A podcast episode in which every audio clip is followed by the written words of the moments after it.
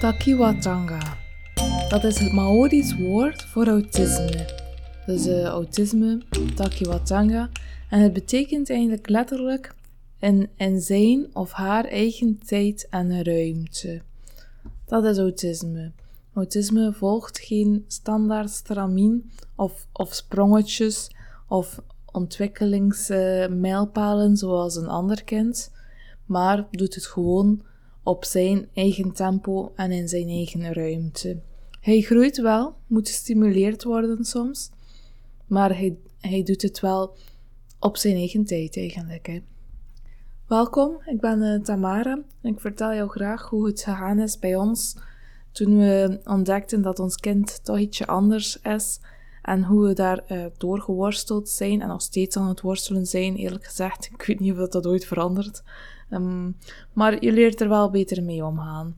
In mijn vorige aflevering had ik het erover dat, dat woorden zoveel hoop kunnen brengen. En dan wens ik ook jou toe dat je ergens ook wel de lichtpuntjes of de herkenbaarheid kan zien. Dat je ook hoop kan hebben dat, allee, dat jouw kind op zichzelf zeker een fantastisch kind is. En dat je zeker alles biedt dat je kind nodig heeft. En dat je ook wel hoop mag hebben en een goede toekomstplan. Dat, het wel, dat hij wel zal groeien. Maar dus in zijn eigen tijd en in zijn eigen ruimte. In deze aflevering wil ik het even hebben op dat eerste moment. Want ja, als jij tot de ontdekking komt dat jouw kind anders is, dan is dat toch alsof dat jouw wereld instort.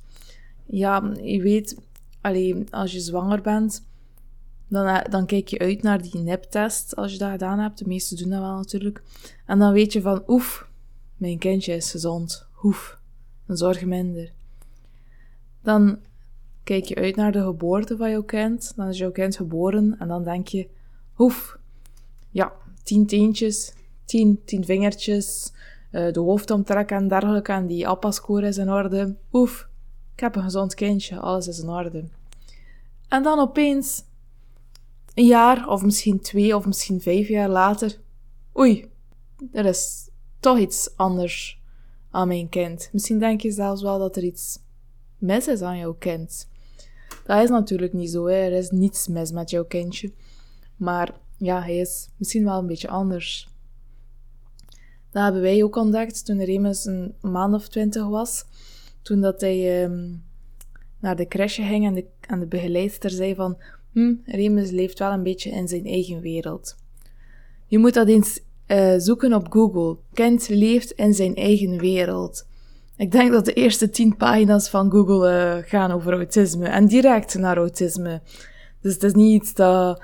Allee, ik leef soms ook wel een keer in mijn eigen wereld. Hè. Ik, heb, ik, heb, ik heb niet autisme, ik heb dat niet.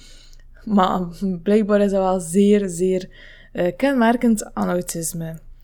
Nu, um, in die artikelen dat wij dan gevonden hadden op Google, dan, um, dan slik je wel even. Dan is er pijnlijk veel herkenbaar, meer dan dat je eigenlijk wil toegeven. Um, ja, bij jouw kindje, bij ons kindje, bij Remus. Vooral zo dat repetitief gedrag. Uh, hij speelde vaak met dezelfde spelletjes. Keek ook graag naar dezelfde tv-programma's. Ja, wij zijn zo'n ouders die ons kind uh, ja, redelijk vroeg voor de tv gezet hebben. Ik steek het op corona, maar het is ook gewoon makkelijk, hè, laten we eerlijk zijn. Ja, hij, uh, hij houdt ook van dezelfde geluidjes. En hij houdt ook heel erg hard van ballen en dergelijke. Ja, dat repetitief gedrag zat er toch zeker wel in, hoor. Hij tolde ook veel met dingen. Uh, logische dingen, zoals ballen en dergelijke. Um, dingen die daarvoor dienen. Maar ook wel dingen die daar totaal niet voor dienden. Hij probeerde zo bijvoorbeeld ook zijn boekjes te laten tollen. Dat ging natuurlijk niet zo vlot, maar hij probeerde het wel. Hij praat ook niet, nog steeds niet. Dat is blijkbaar ook een uh, zeer groot kenmerk van autisme, dat praten dat een beetje achterkomt of een beetje op een andere manier uh, uh, komt. Hij reageerde ook niet op zijn naam, loopt niet op de tenen. hij loopt wel op de tenen, dus dat is ook wel een vrij ja, zichtbaar kenmerk. hij wijst niet, hij, hij zwaait ook niet.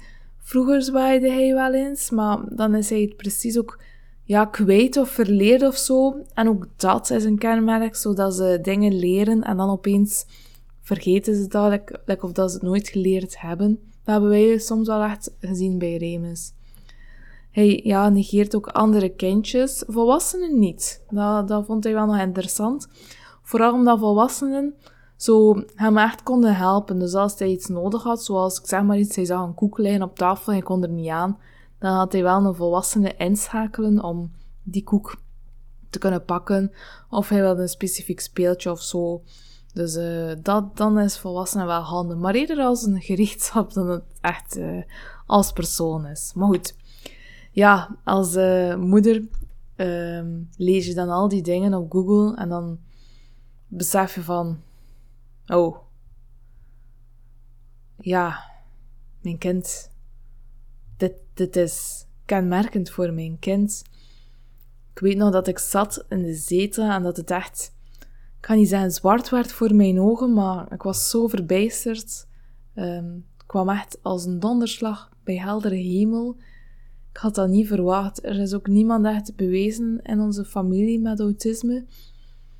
Dus dat was echt, ja, we hadden er nooit bij stilgestaan. Dat was echt nieuwe, nieuwe informatie.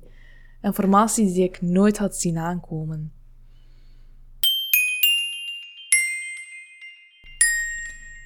ik heb dat dan verteld ook aan mijn man, aan Joran. En dat was zo, ja, een bizar gesprek. Want mijn man was dan zo van, maar nee, dat is niet zo. Maar ik, ik, ik, ik wist diep in mijn hart van, dit klopt. Ik, ik wilde het ook niet toegeven hè, op dat moment. Ik dacht van, ja, misschien heeft mijn man gelijk en inderdaad, dat klopt niet. Dat is niet onze zoon. Maar ja, diep in mijn hart, ik wist het. Ik wist, dit, dit, is, dit is onze zoon. Onze zoon heeft hoogstwaarschijnlijk autisme. Nu, dat heeft wel wat tijd nodig gehad en ook zo wat, hoe zeg je dat, heen en weer dingen, zo van ja, nee, ja, nee. Mm, het is niet zo, het is wel zo, het is niet zo. Maar nee, hij heeft dat niet. Hij is gewoon een beetje achter. Ja, ja, jawel, hij heeft het wel, duidelijk wel. Ja, en wat doe je dan? Dan, dan weet je dat je beter een afspraak maakt bij de kinderarts, om dan um, ja, toch een keer wat onderzoeken in te plannen. Hè. Um, dus dat deden we. Ook de kinderarts zei ook van, ik begrijp dat je je zorgen maakt, maar eigenlijk zie ik daar geen autisme in, of niet zo heel direct. Dat geeft je ook wel eens een beetje hoop, en dan denk je, ja, maar als de kinderarts dat zegt, dan zal het wel waar zijn. Misschien moeten we toch nog hoop hebben dat hij geen autisme heeft, want ja, daar hoop je wel op, hè. Zolang het niet bevestigd is, dan hoop je dat het niet zo is. Maar, ja, ik had al vrij snel ook weer... Ik zeg het, mijn hart wist dat het wel klopte, dus die hoop was heel snel ook weer vervlogen. Bij mijn man is dat wel nog ietsje langer blijven aanslepen. Die bleef echt wel een hele tijd hopen of denken van... Nee, alles is in orde. Allee, hij is wel een beetje achter, maar dat komt wel. Dat komt, hij zal het inhalen en dan zal je er niets meer van zien. Maar allee, het was duidelijk hoor. En ja, dan, dan voel je je als ouder ook wel een beetje gebroken. Want er zijn zijn zoveel dingen die anders zijn. En dat brengt zoveel onzekerheid ook teweeg. Want bijvoorbeeld, je kan niet meer gaan aflezen wanneer dat, welke stadia, welke ontwikkelingsstadio daarin zich zal bevinden, want dat weet je niet. Wanneer kan je iets verwachten, wanneer niet.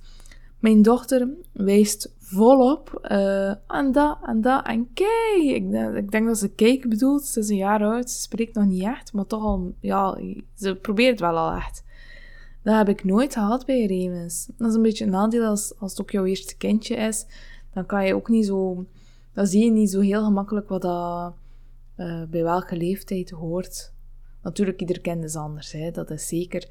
Maar bij Remus mis ik een beetje een handleiding van wanneer wat komt en ja, wat ik kan doen om, dat, om, om hem te helpen. Wat dat mij ook heel veel onzekerheid brengt, is of dat Remus, ja, zal hij um, passen in de maatschappij? Zal hij, um, aanvaard worden door de maatschappij. Remus is een fantastisch kind, een, een gemakkelijk kind, een kind dat op zichzelf is, die graag gezien uh, is ook wel door de omgeving. Maar hij heeft wel wat tijd nodig om, om ja, warm gemaakt te worden. Uh, of um, om zo, als je hem kent, ik zal het zo zeggen, als je hem kent, dan, dan kan je niet anders dan Remus graag zien. Het is echt een schatje. Maar ja, natuurlijk, de maatschappij is hard en dan moet je ook wel, ja, die maakt niet altijd die tijd om, om, om iemand te leren kennen. Dus dat, ja, dat blijft wel echt een vraag. Zal hij mee kunnen op school? Zal hij mee kunnen in het werkleven later? Zal hij ooit spreken? Ja, het zijn zo van die vragen dat je je toch echt wel afvraagt. Nu, hij zal wel spreken hoor, maar de vraag is natuurlijk wanneer. We weten het niet.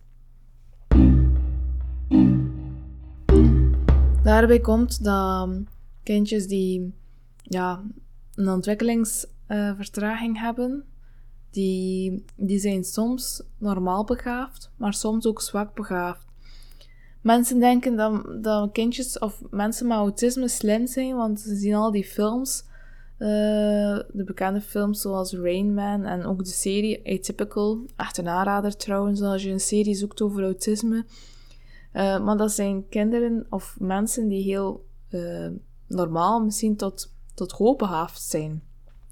Maar eigenlijk, ja, toch 45 tot 50 procent van de kinderen, of van, van de mensen, sorry, ik spreek steeds over kinderen, maar dat is gewoon omdat ik in, in die setting zit nu. Dus als ik dat zeg, ja, dan bedoel ik natuurlijk alle mensen. Uh, maar 40, 45 tot 50 procent met autisme is wel zwak begaafd. Dat is, ja, de kleine helft, tot de helft eigenlijk. Dat is best wel veel. En dat wil je niet. Je wil niet dat jouw kind zwak begaafd is. Dat, van alles van autisme vind ik dat het meest enge, dat mijn kind misschien wel zwak begaafd is. En ik vind het erg van mijzelf, want wat is er daar uiteindelijk erg aan als hij wat zwakker begaafd is, als hij, ja, ja, ja, ja, ik wil geen andere woorden plakken, ik zal het zo noemen. Zo moeilijk heb ik het ermee. uh, op zich is dat niet zo heel erg, hè. Mijn kind is mijn kind en dat maakt hem niet minder of zo. Maar ik vind dat echt iets heel moeilijks. Momenteel weten we nog niet of dat Remus zwak of normaal, of zelfs hoog, maar hoog denk ik nu niet, begaafd is. Dus het is ook afwachten weer wat dat het zal doen. Ik denk dat um, therapie en de juiste begeleiding hem wel sneller vooruit zullen helpen. Maar ik, ja, die begaafdheid zal waarschijnlijk, ik weet niet of dat echt beïnvloed wordt door de begeleiding. Denk bij van niet. Dus ja, afhankelijk van dat is ook de vraag hoeveel zorg dat mijn kind zal hebben, hoeveel extra zorg, zorg en blijft dat ook zo? Hoe combineer ik dat met, met mijn werk? Want dat is ook wel echt een punt dat echt moeilijk is. Wat met ja, eventuele andere broertjes of zusjes. Ria is er, dat is mijn dochtertje. Zij vraagt aandacht, krijgt ook aandacht, maar uh, ze vraagt ook aandacht van Remus. Dat lukt ook wel nog, maar misschien had dat ook wel niet zo blijven lukken. Uh, misschien had het op, een, op den duur ontploffen. Begrijpt zij het niet? Begrijpt Remus het niet? Ik weet het niet. Ja, hoeveel extra zorg zal, zal er zijn? Dat weet ik niet. Ja. Ook uh, familie. Hoe maak je dat duidelijk dat jouw kind anders is, zonder dat je ja, tot in detail een heel verslag moeten voorleggen. En zelfs dan nog, ja, soms is het zo van, ja, uh, in mijn tijd, uh, dat bestond allemaal niet, die labeltjes. Moet ze gewoon harder aanpakken of je moet gewoon dit of dat doen.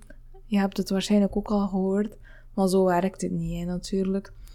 Dus er zijn zo echt zo van die vele, vele onzekerheden die erbij komen. En ik, ik weet dat.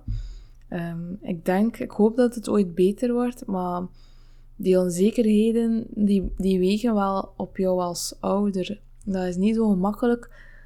En dat is ook echt wel puzzelwerk op zich, want als je die onderzoeken doet met jouw kind, dan blijft het daar ook niet bij.